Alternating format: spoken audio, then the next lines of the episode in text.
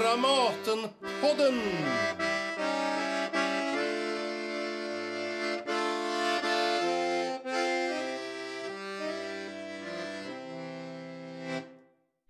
Välkomna till Dramatenpodden. Jag heter Anneli Duva. Helgen den 26-27 oktober 2019 så firades att Dramaten och i år fyller 10 år. Denna verksamhet som finns inom Dramaten leds av Helena Sett och har genom åren skapat möten över konstnärliga gränser med andra institutioner och även skapat nya former som performance lecture och performance concert. På Elverket, där programpunkterna avlöste varandra den här helgen, eh, vilket vi ska få höra valda delar av nu i den här upplagan av Dramatenpodden, så börjar vi med att höra först just Helena Sett och sen dåvarande Dramatenchefen, konstnären och regissören Marie-Louise Ekman om hur det hela började. Det började här på Elverket, ja. Det var eh, då några år innan du började Marie-Louise. Då hade vi som en egen plats här på Elverket med Stefan Larsson som konstnärlig ledare.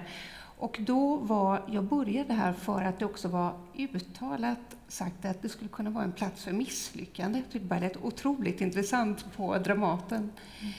Mm. Eh, och sen spelades det då pjäser här som var nyskrivet. Mycket eh, våldsamma pjäser med eh, blod och eh, svett och annat. Så att vi kände att vi måste prata, vi måste ha ett annat förhållningssätt till publiken. Så då var tanken att vi skulle börja med någonting som var ett annat närmande till en ny publik. Och hur det skulle se ut var ganska eh, löst hållet från början. Så det var en, en väldigt spretig verksamhet i allt från eh, eh, performance till videokonst till improvisationsteater, diskussioner och debatter. Och ur den verksamheten, den växte sen under sex år. Och sen efter det så eh, kom den första Bergmanfestivalen 2009. Och då arbetade vi med den också som att, men hur ska vi få hela den festivalen att flyta ut från det här ganska stängda huset som man uppfattar det som mm. då fortfarande och ut över hela stan. Och då, det är svårt att tänka nu, men då gjorde inte Dramaten så mycket samarbeten alls på den tiden var mer sig själv nog som hus. Eh, så då gjorde vi jag tror 110 evenemang på 10 dagar. Det var helt galet i sin som vilja att sträcka ut och försöka. Vi var på SF och vi var på Kulturhuset, vi var på Lava och mm. överallt runt stan. Eh, och med de, jag tänker med de två olika erfarenheterna, vad betyder det att göra en annan verksamhet, att fylla ett teaterhus? Med någonting annat. Och hur kan man jobba med samarbeten och få ett hus att öppnas upp med det. Mm. Och sen då när Marie-Louise började här som teaterchef så fanns det också, så hade jag ju en tanke att men kan man inte göra det här mycket större och i hela huset? Som jag då kom och pratade med dig om. Och det svarar ju då väldigt väl med vad tankar du hade också. Mm. För du började ju då 2009, mm. just det år, samma år som Staffan Waldemar Holm slutade, och, eller hur? Och det var den första Bergmanfestivalen. Mm. Eh, och hur, kom, hur började ni prata med varandra? Var det självklart för dig att känna att det här är en verksamhet som, som du ville permanenta eller som du tyckte var viktig att, att satsa på? Hur gick det till? Jag hade ju, då, jag hade ju jobbat innan i nio år eh, som rektor på Konsthögskolan här i Stockholm och slutade precis i sommaren 8. Och jag hade ju då ett halvår emellan. Jag började i januari 9 här och eh, då ägnade jag hela det halvåret till att själv eh, på eget initiativ träffa så många eh, personer jag kunde ur så många personalgrupper som möjligt för att sätta mig in i hur ser problematiken ut på den här arbetsplatsen? Vad är det folk vill? Vad är det man ska göra när man kommer hit. Mm. Och, och eh, eh, förutom att identifiera förändringar så upplevde jag ju väldigt starkt vilken oerhörd resurs det fanns här eh, som inte utnyttjades. Och det var för mig själva startpunkten mm. för Dramaten och att det finns, man, alltså det finns otroligt mycket folk, det finns så mycket eh, mentala resurser här. Det finns så mycket eh, som folk kan och vill göra som inte utnyttjas på ett sånt här ställe. Man, man har sin produktionsapparat där man långt i förväg tar beslut om den här saken ska göras på den scenen och man ska besätta med det här. Och, och, det är en väldigt, väldigt långsam process, måste det ju vara, för att alla ska hinna med att planera eh, med sina olika scenarier. Men eh, sen finns det ju det som är bredvid det här, nämligen vad folk kan och vill och det ligger bredvid och skvalpar. Mm. Och det tar man aldrig hand om. Och om man då inte har turen att hamna i projekt som man eh, brinner för eller tycker väldigt mycket om så sinar till slut också eh, den här kraften hos människor. Och det var, för mig var det väldigt viktigt. Det är därför den hette Dramaten och därför att eh, vi skulle ta hand om alla de här krafterna som fanns mm. förutom eh, i produktionerna och också såklart nå människor Eh, det är ju gratisverksamhet. Eh, det är ju inget man betalar. Man behöver inte... Då i alla fall var det det ja, Man mm. behövde inte boka biljetter innan, man behövde inte betala, utan det var mm. ett sätt att också eh, göra saker ihop med människor. När det händer grejer till exempel. Vi hade ju sådana här te tema. Aktuella nedslag. Ja. Men jag tänker att det var, det var ju någonting som vi kanske samlades kring från början. Kom ihåg något sam... Ja, mm. jag, sitter, jag sitter... Nej, men jag kommer faktiskt väldigt väl ihåg att vi hade något samtal tidigt som jag tyckte var intressant. Att pratade om det här avståndet mellan publiken och teatern. Alltså vad händer däremellan? Vad är det? För att även med en publik så är inte det självklart vad det avståndet betyder eller vad som befinner sig däremellan. Mm. Och det kommer jag faktiskt ihåg att vi hade som ett tidigt samtal. Att det där, man bestämmer sig själv för vad använder man ett teaterhus till och hur får man det att öppnas upp? Och vad är det överhuvudtaget? Mm. För, det, för det tänker jag, det, ju, det, finns ju ett uppdrag, det är ju nationalscenen. Mm. Och, och, det är ju intressant för där är ju vissa beståndsdelar i uppdraget som är, som är fasta kan man säga, som står kvar. Att man ska spela klassiker, man ska mm. spela nyskriven svensk dramatik till exempel. Men sen är det ju också så att det där uppdraget hela tiden är i förändring. Mm. Det måste det ju vara. Ja. Eh, och, tyckte du att det var roligt, Marie-Louise, att på något sätt förhålla dig till det där tanken att det gick att, eh, att förnya och utveckla själva nationalscensuppdraget? Alltså man, eh, man kan säga all verksamhet har ju regler alltid. Mm. Och eh, ens egen verk, konstnärliga verksamhet bygger ju på att man bygger egna regler. Så att de, de här reglerna finns ju alltid. Och eh, i bästa fall så hjälper, triggar de en ju eh, att söka sig nära och försöka smula sönder de här reglerna, överskrida reglerna. Men eh, nej, det är ju roliga regler. Dramaten mm. som är, eh, har ju ett nationalscensuppdrag. Mm. Det är ju roliga regler att man ska ta hand om verkstäderna, man ska ta hand om språket, man ska eh, ta hand om nyskriven dramatik. Man ska ta, det är ju allting. Man ska ta hand om den klassiska dramatiken. Alltså det är, det är nästan allting som mm. det gäller. Sen kan man ju då välja själv eh, eh, var, var man lägger sitt huvudkrut då, för man kommer ju inte kunna göra allting lika mycket hela tiden. Mm. Nej, det är en utmaning ja. och det är, ju, det är ju det roliga. Men det, det visar sig ju också, det gör det ju mer och mer, att eh, man behöver ju ett centrum. Människor behöver, händer det Händer det traumatiska saker i ett samhälle, in, uppstår en katastrofsituation, uppstår någonting som är väldigt eh, dramatiskt, då söker sig människor till varandra. Och, eh, prat, man, måste, man måste ses i fysiska rum. Mm. Och eh, eh, teatern är ju absolut ett sånt rum. Och det var ju det, det mm. eh, höll vi ju på med väldigt mycket. Mm. Att ha direktuppkoppling när det var en kärnkraft eh, eh, katastrof så hade vi direktuppkoppling eh, med mm. människor som bodde i närheten av detta.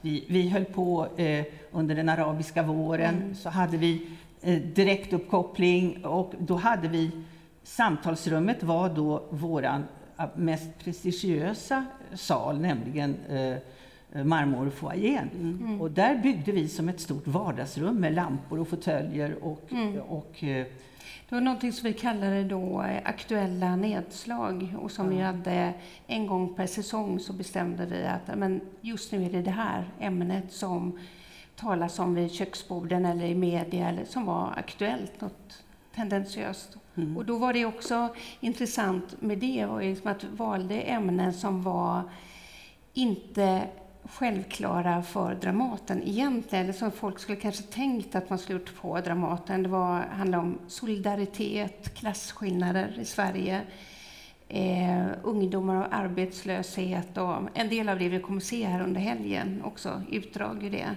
Och det var ju också ett, ett av de här eh, som började som samarbeten med Sveriges Radio, mm. som sen kommer bli som ett mångårigt samarbete med dem. Så att det du beskriver här, att det var eh, livesändningar från Marmorfoajén så att också nådde folk över hela landet och vi hade uppkopplade föreställningar på stora scen som också då livestreamades eller sändes till eh, teatrar ute i landet, länsteatrarna. Så det var också ett annat sätt att arbeta på som gjorde just att man kände att ja, men det här är just nu. Mm. Vi kan dela ett just nu även om vi sitter i vårt hus. Så jag tror att hela det här som var liksom en början till ett uppdrag med mm. Dramaten och att öppna upp huset, som då var en tolkning också att både öppna upp för en publik men även öppna upp bakåt för samarbeten och för hur kan vi nå ut? Mm. Men jag kan, lägga, förlåt, jag mm. kan lägga till där bara att nu låter det som vi pratar om hur vi öppnar oss och vidgar, alltså som det är en rörelse så här, mm. men det som händer när man gör detta, det är ju faktiskt att man får en kontaktyta med människor som sen hör av sig till teatern och säger jag har en förslag om en pjäs, jag, skulle, jag har förslag om det här, jag skulle vilja det här. Så man får en väldig, väldig input av mm. detta, alltså en väldig energi eh, med nya idéer och människor som hör av sig som inte kanske skulle höra av sig ifall de trodde att man sket i dem och inte var intresserad mm. av dem. Så att det blir väldigt helt plötsligt så blir det väldigt oförutsägbara saker som händer eh, om man börjar mm. öppna andra dörrar än vad som har varit öppet innan. Och det som var intressant med det också, apropå det som, vad som händer... Jag behövs egentligen men, jag förtrevs för att prata. men, men, men du tänker på det, apropå det här med vad är det som händer, för ibland har jag också många gånger tänkt under de här åren att man talar så lätt om de här projekten som blir i slutändan. Och är det intressant en sån kväll eller inte? Men det man ser från den här sidan också är att samarbeten och att öppna upp på det sättet, det kommer ju också att förändra en institution. Alltså det är helt andra processer, det är andra hierarkier, det är annat när man inte börjar så som vi gör i de flesta andra fall med en text. Utan man kanske utgår från någon musik eller en person eller en aktuell händelse eller någonting annat. Då måste processerna se annorlunda ut. Och jag tror att det också varit otroligt nyttigt faktiskt mm. för teatern. Att alla människor som arbetar på våra scener, den här verksamheten har ju varit på alla scener verkligen och nått i stort sett alla som jobbar på Dramaten.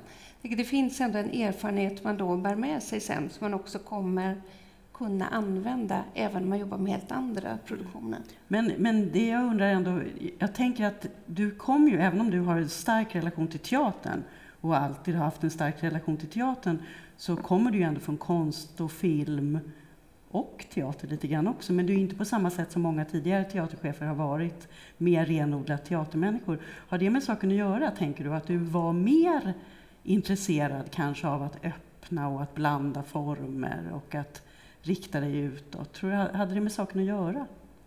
Att det var just du? Ja, för mig tror jag det, det hade att göra med att det var jag. ja. men, men eh, eh, ja, det där är väldigt svårt att svara på. Jag kan säga jag jag har nog sett alla mina arbeten som jag har gått in i som konstnärliga arbeten. Och för mig var det ett eh, konstnärligt skapande arbete som jag skulle utföra om jag kom hit och var teaterchef mm. här. Och, eh, och det, jag hade ju inget internationellt nätverk i teaterkretsar. Det är klart att jag inte hade det. Och eh, jag kan liksom inte all dramatik, vare sig den, den som finns i samtiden eller den klassiska. Min kunskapsnivå var och är väldigt begränsad. Och det, det var jag ju väldigt tydlig med. Då gäller det ju att man har väldigt kompetenta människor omkring sig. Mm. Precis, det finns ju här. Finns ju, alltså det, och det som inte finns, det får man ju se till att ta hit. Då, mm. Så att jag, på ett sätt så tycker ju jag att uh, det som är det viktiga är ju att man ser det som ett konstnärligt projekt. Och konstnärliga projekt har en annan dramaturgi eh, än vad om man säger att man jobbar i en bank eller om man eh, säger att man håller på i näringslivet och driver vinstdrivande företag. Dramaten ska ju egentligen inte gå med vinst. Eh, Dramaten ska gå runt, mm. men det ska, behöver inte gå med vinst. Eh, så att det finns ju, jag har ju till exempel aldrig respekterat den ideologi som folk som lutar sig mot ekonomin levererar. Jag tror inte på det. Väldigt kortsiktigt eh, eh, sätt att analysera tillvaron och att ta beslut utifrån. Om man säger vi måste lägga ner det här för vi måste spara pengar eller vi måste säga upp så här för vi måste spara pengar. kan man säga den här institutionen måste alltid spara pengar. Eh, eh, eh, säg upp 15 personer eller lägg ner en scen och om två år ser du där igen att du måste spara pengar. Mm. Det ser ut så. Eh, därför att alla anslag krymper från statsmakterna hela tiden. Och, och, och det, liksom, det, man får, det man får som anslag täcker inte löneökningar och hyresökningar. Och så, så att i praktiken är det en sakta men säker åderlåtning av, av eh, statsunderstödd verksamhet. Va? Men då skulle man ju kunna tänka sig att i detta att då finns mm. de som säger i ett sådant läge att det är viktigast att satsa på det som är ren teater för att det är teaterhus och kanske att man ifrågasätter en sån här verksamhet som ligger lite vid sidan av då, om man ska göra val. Men å andra ja. sidan så tror jag, som nu politiskt, så talar man ju allt mer också om samverkan mm. och inkludering. Det blir en viktigare och viktigare fråga. Jag kan ju se det, jag träffar ju ändå ganska många kulturpolitiker på vägen. Så att jag tror tvärtom att många institutioner som har det här uppdraget att jobba med samverkan och inkludering, men som hittills har kunnat göra det lite som man vill, det tror jag kommer skruvas åt mm. mycket framöver. Men, men, där har det väl varit en, om man tänker att nu har det gått tio år, mm. och Marie-Louise var väldigt, vad jag vill förstå på dig, väldigt viktig för att det här den här förändringen faktiskt etablerades. Ja, för jag tror att det kräver också, liksom ett, även om det fanns liksom en, en idé och en tanke om det, så måste det vara någon som också har ett mod och vågar börja satsa på något som ändå var en ny verksamhet då i huset. Någon måste ju säga ja till mm. det. Nu sen på de här tio åren så har ju den vuxit ganska betydligt i sin omfattning. Men det är alltid det där första klivet, att ändå vilja vara med, att undersöka någonting som man inte riktigt från början visste heller mm. vad det skulle vara. Och det här har ju också varit en, liksom en organisk eh, verksamhet som har varit på olika sätt de mm. första åren mot vad det kanske är nu. Men jag tänker det som har funnits med hela tiden som är väldigt intressant, det är ju också det här liksom med samverkan, tycker jag. Mm. Som, vad, vilka frågor kommer in med det? Vilka andra människor, vilka andra röster får vi på våra scener? Att inte heller det blir så självklart vilka som... För det är också en, en fråga om en hierarki och naturligtvis i slutändan en, en demokratifråga och en maktfråga. Att vi har ju också chans att ge andra människor en röst och en makt att stå här på våra scener. Och det kan jag tycka är intressant liksom att få jobba med det. För det har ju hänt väldigt mycket kan man ju säga under de här tio åren mm. med samhällsklimatet mm. i, i, stort. Och du sa just när du och jag pratade lite så, så hade du de här mos, motsatsparen, alltså mm. fin och fulkultur och innerstad och ytterområden, kommersiellt och konst mm. som motsatspar som på något sätt var viktiga i mm. etablerandet av den här mm. verksamheten eller när man jobbar med den. Ja, för jag tror ja. att det fanns som en start det att på något, lite outtalat vad Dramaten inte skulle göra. Mm. Och då kunde det vara liksom intressant att ändå börja just med det att ja, men det ska vi göra. Det är intressant och det är i den här krocken som kanske blir mer intressant just att göra det här. Hade man gjort samma verksamhet någon helt annanstans kunde det varit lika intressant, men det blev intressant i mm. som, eh, krocken med guldet och med den positionen som Dramaten har. Mm. Eh, och just det här med att föra in saker som blir, eh, jag, jag har tyckt om mycket under åren, den här skevheten i vissa projekt, att föra in eh, flyktinghistorier eller live på Dramaten eller spoken word, eller någonting som så här, det blir intressant att möta det på våra golv här. Mm. Jag, jag, skulle gärna vilja att ni sa något om det är någonting som ni särskilt kommer ihåg eller har tyckt om av just det här som Dramaten och har gjort under den här tiden. Har du någonting Marie-Louise som har, som har fastnat hos dig? Som... Alltså, eh, jag kommer ihåg de här nedslagen vi gjorde som mm. väldigt, väldigt viktiga. Att vi var precis när man slog upp tidningen och såg vad det var man var mest eh, eh, eh, rädd för eller utsatt för den veckan, så tog vi tag i det mm. här och eh, det blev som en hunger på något sätt. Att, mm, att, och det var viktigt att man upprepar detta också, att man inte gör ett nedslag eller mm. två, utan att man eh, eh, sätter det på kartan. Att är det någonting som, något dramatiskt som händer oss alla i andra delen av världen, mm. så kommer vi att hålla på med det här. Det tycker jag nog var det allra, allra eh, viktigaste mm. som, jag, som sitter kvar i mitt huvud. Mm. Eh, att vi kunde vara som ett förlängt samtalsrum för vad som än pågick i hela världen. Väldigt mm. viktigt. Har du någonting Helena som du särskilt men en, en väldigt specifik bild som jag har haft med mig som jag faktiskt tänkt jättemycket på, på olika sätt. Det var en förlängning av ett av de här nedslagen som hette En förlorad generation som, kallade, eller som handlade just om ungdomar och arbetslöshet som vi kommer se en liten bit av eh, senare under helgen. Eh, den, det, var, det var Marcus Lindén som regisserade eh, och det är en speciell teknik som han använder när han har han har dokumentära intervjuer, jättematerial som han klipper ihop till ett ljudspår. Så att det finns inget manus mer än ett ljudspår. Och sen har skådespelarna så här, de hör ljudet och så säger de direkt det de hör, så de har ingen repetition i stort sett alls innan heller.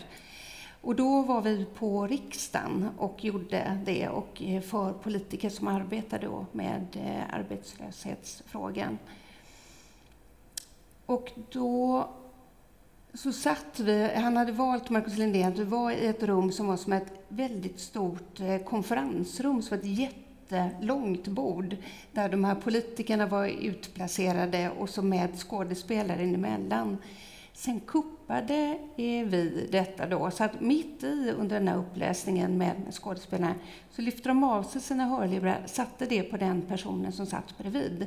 Och så fick då bland annat som jag kommer väldigt väl ihåg, som var chef för eh, arbetslöshetskassan mm. precis då, fick göra det. Och då, man har inte en chans att tänka vad det är man säger, utan man säger bara det. Och hans, eh, han, samtalet med honom efteråt, när han då hade blivit kropp för en långtidsarbetslös kille som hade ja, berättat om hur han ligger i fyra timmar i sträck för att spara på sin energi, för han har absolut inga pengar. Han sa att det finns inga papper hittills i min karriär som jag har läst som har kunnat ge mig den här erfarenheten. Och där kan jag känna så här, ja, där är vi liksom med vår konst, att man kan faktiskt mm. komma åt helt andra saker. Mm. Och också kanske den här verksamheten och Dramaten också med liksom ett annat sätt att jobba med konst och med frågor och gripa sig saker. Ja, ni förstår, det är jätteintressant ja. det här. Det finns, och jag tittar på klockan. Egentligen ska vi sluta, men jag tänker bara mm. att vi måste faktiskt bara säga någonting också om de här formaten som ändå har etablerats. Alltså mm. performance concert och performance lecture. Mm. Uh, nu får du inte prata jättelångt då Helena, men alltså någonting om hur, hur, det, hur de blev till. För de har ju ändå verkligen nu blivit också en väldigt naturlig mm. del av, av Dramaten. Ja. Mm. Men det är också det här med att söka samarbeten och lite oväntade krockar. Eh, och jag är, i min tidiga ungdom var jag mm. otroligt intresserad av kvantfysik. Men jag är så humanist, jag kände mig aldrig inbjuden i det rummet och förstod egentligen inte sättet att tala om det. Men kände att men det här är ju någonting som verkligen intresserar mig. Så nu långt senare så tänkte jag att men, det är ju intressant med om man kan göra vetenskap tillgängligt med alla de verktyg vi har i teatern. Så att då träffade jag en, en man på Nobelstiftelsen från början och började tala om hur skulle vi kunna hitta ett format där vi från båda två håll. Då. De var intresserade av att också nå ut på ett annat sätt. de insåg också att deras rum var så stängda för många. Och vi åt andra hållet behöver andra ämnen och andra röster. Mm, mm. Så att så hittar vi det och då sätter vi ihop en forskare med ett då kreativt team, regissör, eh, skådespelare om så vill och eh, en Dramaturg. Dramaturg, du har varit med flera gånger och eh, sett designer och olika. Så att eh, det har ju blivit ett format då som upprepas regelbundet. Mm. Och eh, performancekonst är lite motsvarande. Vi har också jobbat mycket med eh, musik. Linda Pira och de här åtta kvinnliga rapparna var ju här en oförglömlig kväll mm, också. Mm. Men sen blir det också att ja, men när vi gör konserter börjar det bli mer och mer konserter överallt idag. Så vi har också sagt, ja, men hur kan vi dra nytta av att vi är på en teater? Så då är det ungefär motsvarande format, att vi sätter ihop dem med ett kreativt team och så ser vad händer i det? Vad är det för andra saker, andra berättelser man kan mm. komma åt? Och första där var ju Jenny Wilson som då talade om sexuella övergrepp, men genom musik som också gjorde att vi fick hit en helt annan publik än om man hade valt att tala om sexuella övergrepp i en en eh, pjäs. Mm, en ren föreställning. Mm. Vi måste säga tack om vi ska inte förstöra hela ditt program här idag. Så. Ja, men, men, tack, tack. Marie-Louise Ekman, tack, tack Helena Sett, tack. tack. Och från hur det hela började ska vi ta oss rakt in i verksamheten. Helena Sett pratade med regissören Marcus Lindén och Marie-Jeanette Lövgren från Sveriges Radios samhällsredaktion om hur samhället kan flytta in på teatern och om hur samarbetet mellan Dramaten och och Sveriges Radio sett ut genom åren? Nej, men när man jobbar med radio så är det ju väldigt mycket, eh, man sitter bakom mikrofonen och man sitter inne i radiohuset och publiken är ju extremt viktig men ganska abstrakt kan man säga när man gör radioprogram. Vi jobbar ju med dokumentärer eh, och når en stor publik eh, via våra kanaler. Men det är inte så himla ofta som man möter publiken. Nej. Och det tycker jag har verkligen varit en av delarna med att vi gör saker tillsammans, att vi plötsligt liksom får syn på publiken. Och någonstans så har det också varit ett, ett organiskt samarbete som har fötts utifrån olika behov. När jag satt och funderade lite grann på vad det är vi har gjort under de här åren så är det extremt mycket olika saker och en del känns väldigt långt tillbaka och en del känns eh, som en annan tid och en del känns ganska framsynt. Jag tänkte till exempel, vi gjorde en, en kväll om nationalism mm. 2014, 14. tror jag det var. Och då precis när man hade sett den här stora rörelsen i Europa av det som vi ser frukten av idag, då mm. hade den precis börjat rulla igång. Och då hade vi eh, ett av Sveriges Radios program som heter Filosofiska rummet, eh, som sände direkt från Dramaten. Och sen så var det en massa andra saker samtidigt som försiggick i huset. Det var ju, I början var det ganska stora saker som var på många olika platser mm. och där vi var en del och ibland så var det Filosofiska rummet till exempel. Mm. Eh, vi har haft en annan läsning av reaktionerna efter en väldigt eh, ifrågasatt, får man säga, dokumentär. Eh, som, det, som väckte en massa hat kan man säga i medier. Mm. Det gjorde vi en läsning av. Vi har gjort samarbetet om ungdomsarbetslöshet som var ett projekt som vindlade sig fram kan man ju säga mellan olika former men där det hade det dokumentära tilltalet gemensamt. Mm. Och där började det med en kille som du träffade.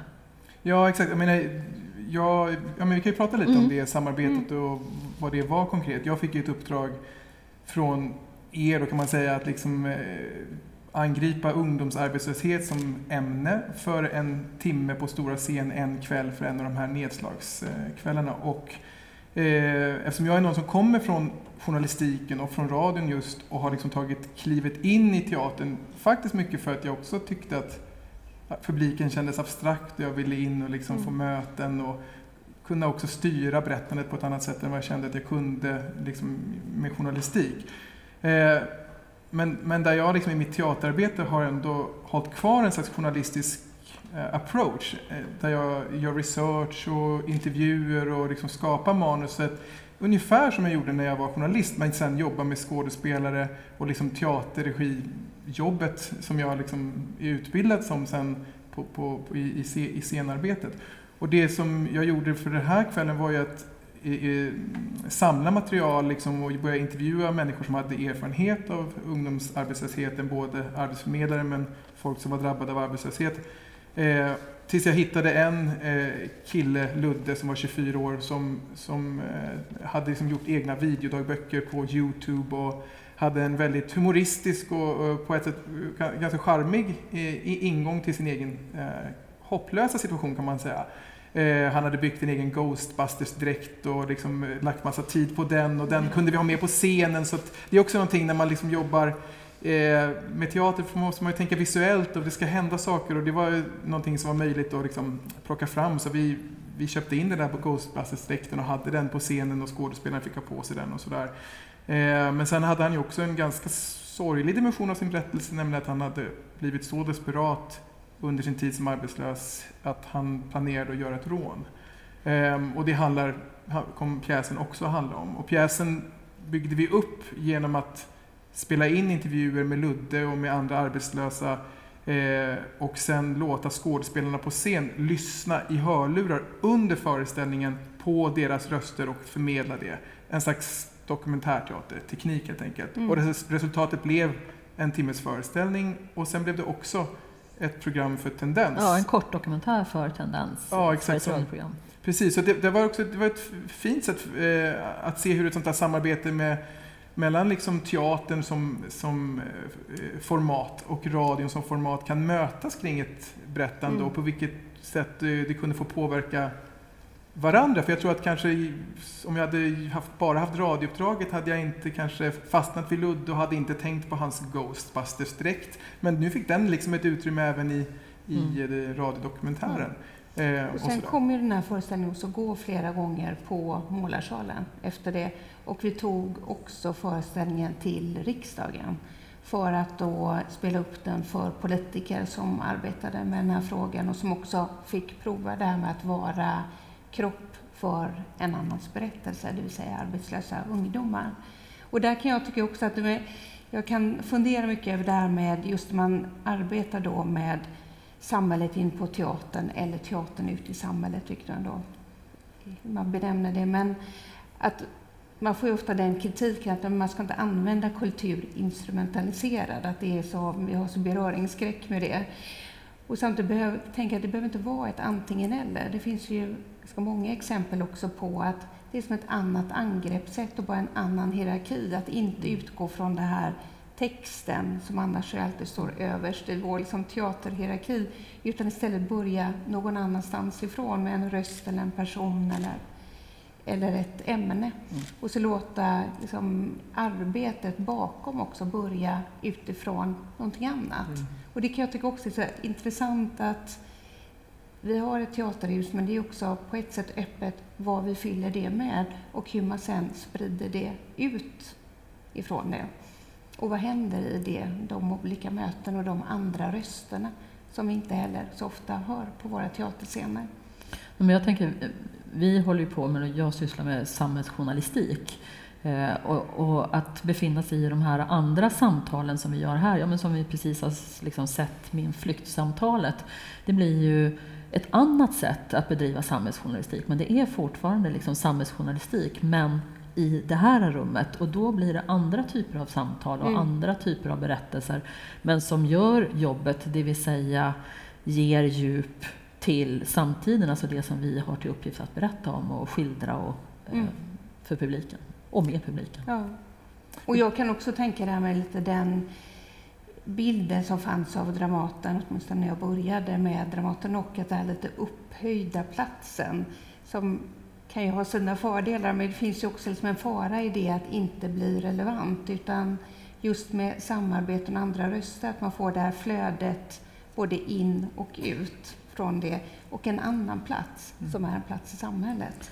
En av de första grejerna som vi gjorde var ju den här En kväll om klass. Ehm, och som ju blev precis det, som var ju en ganska stor eh, satsning från Mm. er sida tror jag. Men eh, det var en scenföreställning och det var massa olika grejer. Men bland annat så gjorde vi ett jag tror, tre och en halv timme långt happening får man nästan säga i, vad heter marmorfoajén. Mm. Folk satt på golvet, satt i trapporna, satt på borden. Det var hur mycket folk som helst och vi som pratade om klass ur en massa olika perspektiv. Och, eh, och just det där att låta publiken vara en del av samtalet, för så var det verkligen, att alla hade en röst. Det var då så roligt också att man berättade. Då fick alla som kom fick ta varsin pin där man tryckte upp underklass, nej, eh, medelklass, överklass och eh, arbetarklass. Och klasslös. Och klasslös. Så fick man välja varsin pin. när man kom. Det var otroligt intressant vad, vilka som gick först. Mm. Jag, jag tänker på det som du, som du sa Helena med att ge, att ge liksom, eh, andra berättelser röst. Eh, för det tycker jag är någonting, som- alltså, från mitt perspektiv, som kommer från journalistiken och som liksom tagit klivet in i teatern, är någonting som jag tycker är en kraft med, med teatern. Att det finns, kanske på radion så är det som att människor, eller inom journalistiken, man förväntas eh, dela med sig av sina, sina egna berättelser eller prata utifrån sin egen position.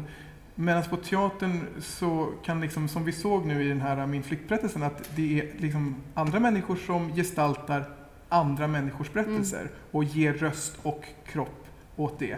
Och det tycker jag blir någonting oerhört eh, starkt när man är i ett rum. Så här. Det är nästan som en liten ritual på något sätt. Det har nästan något så terapeutiskt. Att, en kärlekshandling på något sätt. Att ta och ge eh, sin, e- sitt eget engagemang och sin röst och sin kropp och sin närvaro åt någon annans berättelse. Det, det, det blir någonting liksom starkt och jag tror man kommer i kontakt. Inte bara kanske de som läser utan också vi som lyssnar. Och där känner jag så här, wow, här kan verkligen teatern tillföra någonting som faktiskt kanske inte radion förmår på samma sätt. Mm. Eh, att det är någonting i den där eh, överföringen, att det är liksom någon annan som representerar andra människors berättelser. Sen är det ju bra att liksom, det, det finns ju också exempel på teater där de människorna som har upplevt olika situationer berättar själva, att det inte är skådespelare eller andra inbjudna som förmedlare och sådär. Utan det är, eh, i flera andra Ja. lag, Ja. ja. precis. Men det, ja, förlåt. Nej, men det skapas ju ytterligare någonting i, tänkte jag på den här läsningen. Det är att om en människas egen berättelse, för det är ju det som, som vi jobbar jättemycket med. Jag berättar min historia för dig och liksom med det så får du en större förståelse för någonting. Exakt. Men när det är andra som berättar min historia så blir det en allmängiltig historia Ja. på ett helt annat sätt. Mm. Plötsligt får man syn på det tycker jag. Ja, Istället för att kunna säga så här, ja, ja, det är din historia och det, är liksom, det, det har du upplevt. exakt. Men plötsligt så blir det någonting som vi alla bär. Mm. Och jag, jag tror ju också att med i den tiden vi är nu, när man talar kulturpolitiskt mycket mer om inkludering och samverkan och det här som vi ändå jobbat med väldigt Mm. länge, att det, vi kommer ju se mycket, ännu mycket mer av det. Och att det finns någonting som eh, man liksom vinner åt alla håll. Det, man kommer åt någonting annat helt enkelt. Det kan jag känna väldigt starkt, att det finns något eh, värde som Mm. man kommer åt. Och där man också kan, med, med den tiden också där många är idag producenter av ett eget material som alltså, även publik eller konsumenter. Att de, de där gränserna suddas ut på alla håll och att det kan också bli en större delaktighet i en upplevelse med andra berättelser. Att man inte blir den här åskådaren som bara sitter bakom den fjärde väggen och tittar utan det finns som en relevans, det finns röster man känner igen eller Mm. sätt att tala om saker som man kan känna igen. Mm. Mm. Nu ska vi eh, avrunda detta, avsluta. Eh, om inte ni har någon sista tillägg i detta? Nej, utan det är väl bara det att vi fortsätter väl helt enkelt. Ja. Och just nu har vi ju ett samarbete om Svenska berättelser här på Elverket. Det har vi. Tack! Och till sist ska vi också höra en bit ur ett samtal om nya sätt att utforska och kommunicera vetenskap. Vi hör Anna Sjöström Douagi Nobel Prize Museum och forskaren Mikael Dahlén från Handelshögskolan vars performance lecture om lycka blev en stor publikframgång i regi av Jenny Andreasson som ni också kommer få höra här. Och det är Helena Sett som inleder igen. Det här föreställningen som ni gör om lycka, det är den fjärde i det här formatet som vi kallar performance lecture. Och jag och Anna träffades nu, där det var flera år sedan. 17 kanske? 16 var det? 16 till och med tror jag. Mm. Och vi tänkte att det var ganska höga trösklar både in till Dramaten och till Nobelpriset som ju mm. ofta omhuldas av något som verkar svårt och otillgängligt och stängt och hemligt. Lite spännande. Och då började vi prata om det här med att, eh, hur, kan man, hur kan man göra för att gifta ihop oss och försöka nå ut med, med vetenskap och innehåll, kunskap på ett sätt som blir mer eh, tillgängligt och kanske spännande också.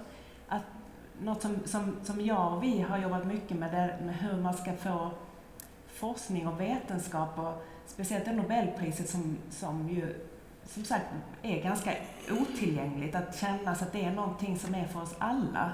Att eh, vetenskapliga resultat är någonting som angår mig, dig, våra barn, våra föräldrar, vårt liv. Eh, och det är något som jag brinner verkligen för, att, att, eh, att alla ni som sitter här ska tycka att det här med forskning, det är verkligen fiffigt. Det finns mycket där som, som ni inte skulle vilja vara utan och att anledningen till att världen är så bra som den är idag, för den är faktiskt ganska bra, är tack vare de resultat som har kommit från vetenskapen, litteratur och fredsarbete, där ju Nobelpriset har en väldigt fin spännvidd. Mm.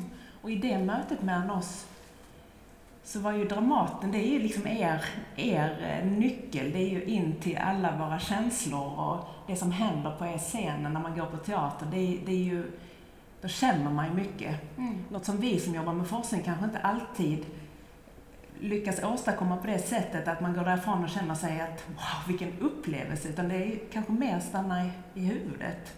Det var väl lite det. Nej, men det var väl det som det då började. Vad kan vi utnyttja av varandras verktyg för att nå det här målet, att göra vetenskap tillgänglig? Och vad kan vi nå i det? Hur kan vi hitta andra processer, andra samtal, andra sätt att jobba som också var långsammare, med möjlig plats för misslyckande. Vad betyder det? Och, mm. och tillgängligt. Ja. Mm. Men då är det intressant att höra med er två, Jenny och Mikael, som då har jobbat där praktiskt. Vad hände? Vad kände ni? Vad tänkte ni?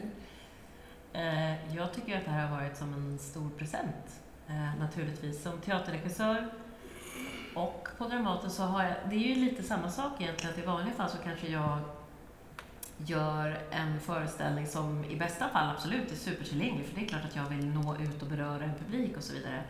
Men att nu verkligen få möta en forskare, en spännande person och ett material och tänka så här, hur gör vi det här eh, just så pass liksom både tillgängligt och smart och bra som möjligt? Och att hela tiden vara en dialog eh, med Mikael, det har liksom varit en fantastisk upplevelse, tycker jag. Där jag både liksom haft möjlighet att liksom kika in i ett forskningsfält men just också tänka, tänka lite annorlunda, få en annan typ av uppdragsgivare. Vad är det du tänkt annorlunda? Hur kan du beskriva Um, ja, men jag tror att det har att göra med det där. Hur, hur kommunicerar vi på bästa sätt? Jag menar, det första vi gjorde Eh, processen ser ju ut, eller har väl sett ut ungefär likadan. Alltså forskaren kommer till Dramaten, håller en provföreläsning och sen så är det jag som regissör som ska liksom tänka ut ett koncept kring det här. Och Mikael hade ju skrivit dessutom en, en eh, nu fick ni bara se en del, men det förekommer dans och musik eh, mera utförligt i den här. Och eh, hade ju skrivit, ja men, ja, men alltså, det är ju för att, jo, för att det är roligt. Därför att, eh, så att på ett sätt så liknade det ju ett teatermanus, men sen det första vi gjorde satt vi liksom i en kall repsal och gick just igenom manuset och verkligen var så här, vad, vad tror vi kommer funka, vad kommer inte funka med själva texten, med forskningen, vad behöver vi kanske göra lite mer eh, eh, vetenskapligt? och, och vad ska vi å andra sidan kanske gestalta på ett helt annat sätt med en sång? Mm. Eh, och det där, ja. Men det, det, där tycker jag har varit en av de otroligt, eh, eller mest spännande sakerna i, i det här projektet. Att något som vi trodde var att, ja, men ungefär en vetenskaplig föreläsning, eh, men kanske lite ja, som man gör på Dramaten, någonting... Lite fluff. I, men det här, lite, det här andra då, som, mm. som i vår värld är lite någonting annat. Att när det kommer ihop och, och blir någonting nytt, att, att vi har lärt oss så mycket. Och, att, och jag vet inte, du får svara för dig själv, men, men de forskare som har varit med hittills har alla vittnat om att det här är någonting helt annat som också adderar något nytt till det egna fältet. Jag ska inte... mm. Vad säger du, Michael? Jag tycker ju att det är häftigt. Hur många här inne har läst någon av mina vetenskapliga artiklar? Kan jag få ett halleluja? Halleluja! Det var inte många. Och jag har ändå skrivit en helsikes massa vetenskapliga artiklar under chockerande många år. Jag inser att jag inte är tonåring längre. Fler människor har sett den här föreställningen än läst alla dessa artiklar jag skrivit under decennier. Om lycka. Om en väldig massa saker i mänskligt beteende som jag har gått djupt kring, verkligen grävt i och kommit fram till väldigt allmängiltiga och, tycker jag, väldigt viktiga saker som vi alla behöver veta. Men via de kanalerna där det ska kvalitetssäkras och nagelfaras av en väldig massa akademiker så försvinner just den här tillgängligheten, möjligheten att beröra och mötas i någonting och inte minst ha vansinnigt kul. Mm. Som öppnar upp så mycket. Men du har rätt i det, för att det är också, vi la upp, jag tror fyra föreställningar från början och sen har ju det bara tickat på och blivit fler och fler och fler. Det finns ett jätteintresse för det här formatet. Det har blivit otroligt populärt. Så att det är också väldigt roligt att se, precis det du säger. Ja, men den tanken vi hade att göra det tillgängligt, det har ju lyckats med den här föreställningen. Vad har hänt i dig då? Vad har du med dig nu efter arbetet och mötet med Johan och Jenny och hela teamet omkring? Det kan jag prata om tills brandlarmet går igång. Eh, en sak är gemenskapen och hemvisten faktiskt. Som akademiker så umgås man med det som är stora eller ibland lite mindre frågor men som man jobbar ganska länge enträget och ganska ensamt med. Och sen publicerar själv med en massa motståndare känns det som i en sån granskningsprocess. Men att här var på samma lag, i samma familj och skapa tillsammans. Mm. Skapa tillsammans med, med Jenny, med, med, Johan och Göran som jag har väldig separationsångest från. Det är därför vi lägger till föreställningar hela tiden. Men en, en till, de är väldigt mig i det här laget.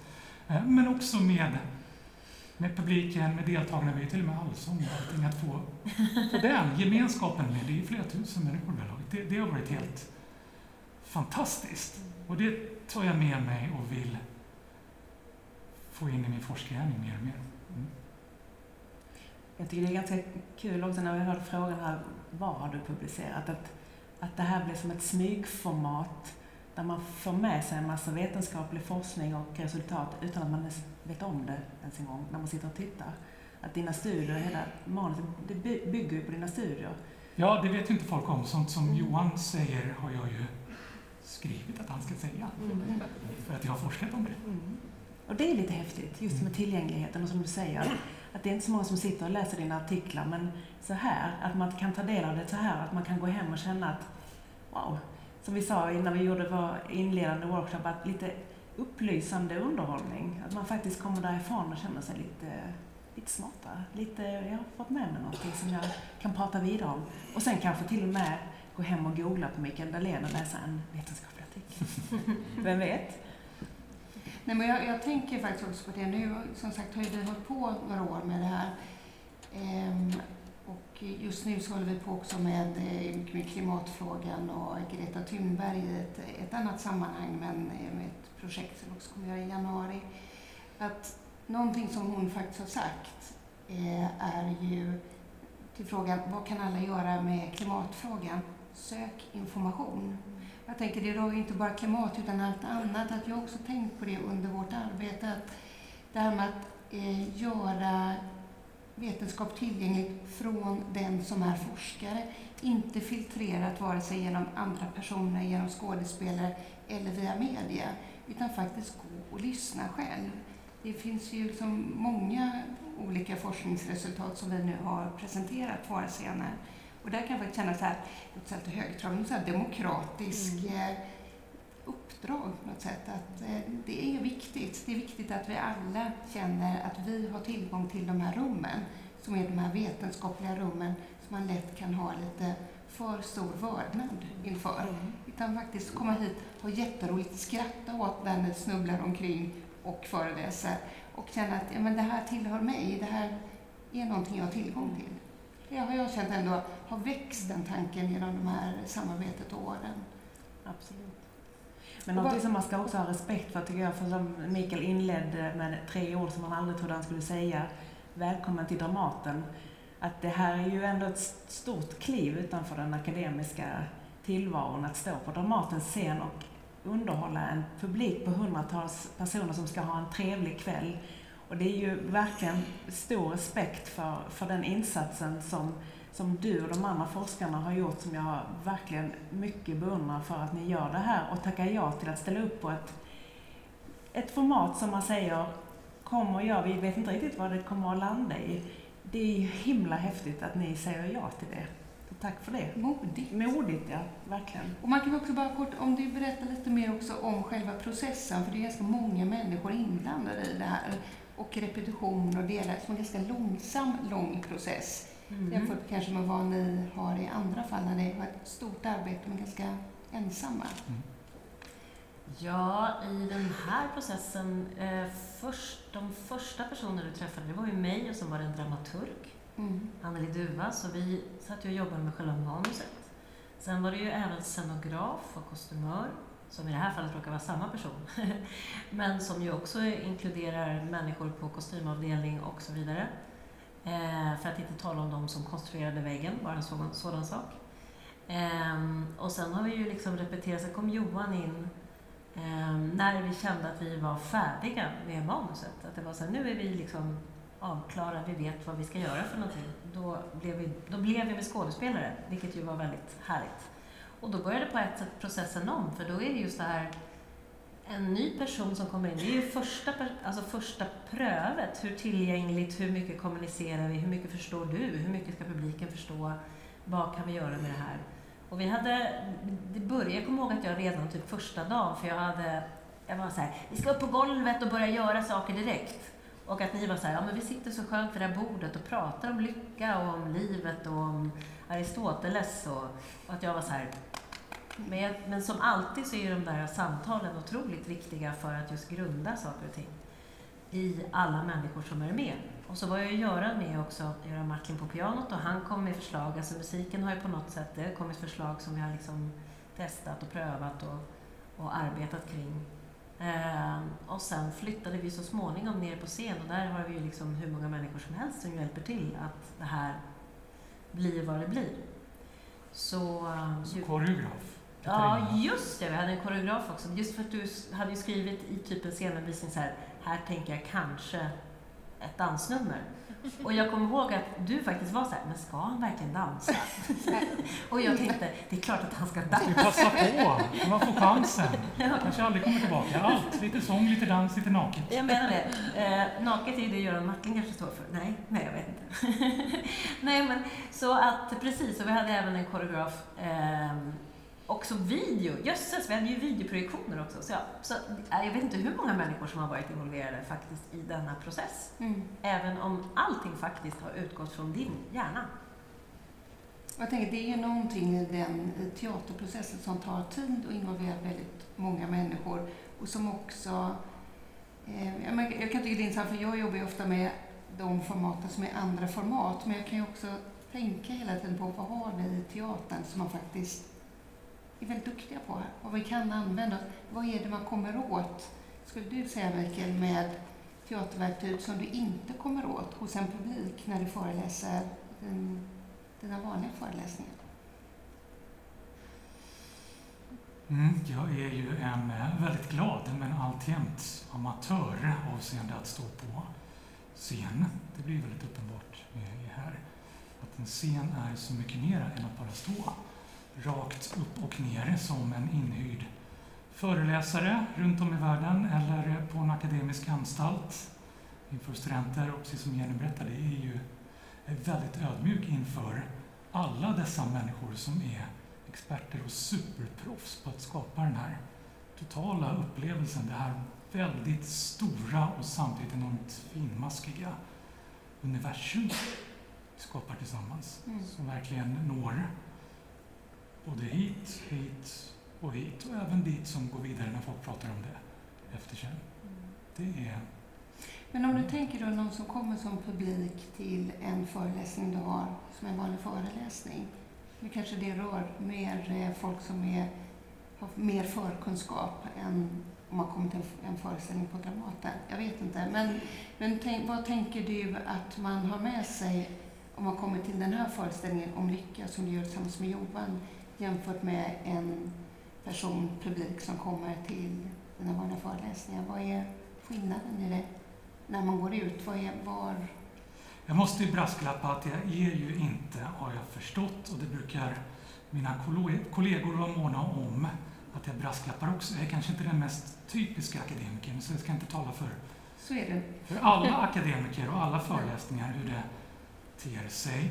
Men, men någonting jag tycker jag är väldigt ödmjuk inför är att föreläsningar som jag gör runt om eh, går folk till på arbetstid, det ingår i deras värv och de vill kanske egentligen inte vara där, men det ser bra ut att de är där och de måste vara där. Men till det här fantastiska universum kommer folk av alldeles fri vilja. En fredagkväll eller en lördagkväll, det är jag så enormt ödmjuk inför. Jag var livrädd inför i början. Ska vi hålla fyra föreställningar? Tänk om det inte kommer några frivilligt och tittar. Jag är van att det sitter många människor där, men de är ditkommenderade av andra. så. Och att det fortsätter komma så många som alldeles frivilligt delar sin tid. Jag känner att vi verkligen delar den tiden och den upplevelsen. Speciellt som det har slutat med att alla står upp och sjunger tillsammans också. Det, det, det händer inte ens på mina föreläsningar i alla fall. Mm. Ja, det är väldigt roligt. Ja, vi har ju också eh, några föreställningar som sen kommer. Vi har eh, Om lycka som kommer, nej, om sanning. Vi har flera om lycka som kommer också under hösten. Ja, vi fortsätter. Fantastiskt. Mm. Vi har eh, Om sanning som har premiär den 8 november. Och sen till våren så kommer Svante Pääbo och talar om människan. Mm. Så det är också fler i en lång serie som kommer framåt. Och man, det, man kan ta del av som vi har haft för, via film. Just det. Det kan vi också nämna att i det här formatet så har det också ingått hela tiden att vi har arbetat parallellt med ett format som är det publika formatet i den här stunden man delar tillsammans. Och sen har det varit ett format som vi då spelar in och sprider efteråt som är cirka 15 minuter långt, så kallat TED Talks-format. Jag vet inte om några av er lyssnar på TED Talks. Det är då föreläsningar på cirka 17-18 minuter som också ett sätt att sprida den här eh, forskningen och vetenskapen och göra den tillgänglig för ännu fler än de som bor i Stockholm och än de som kommer till Dramaten.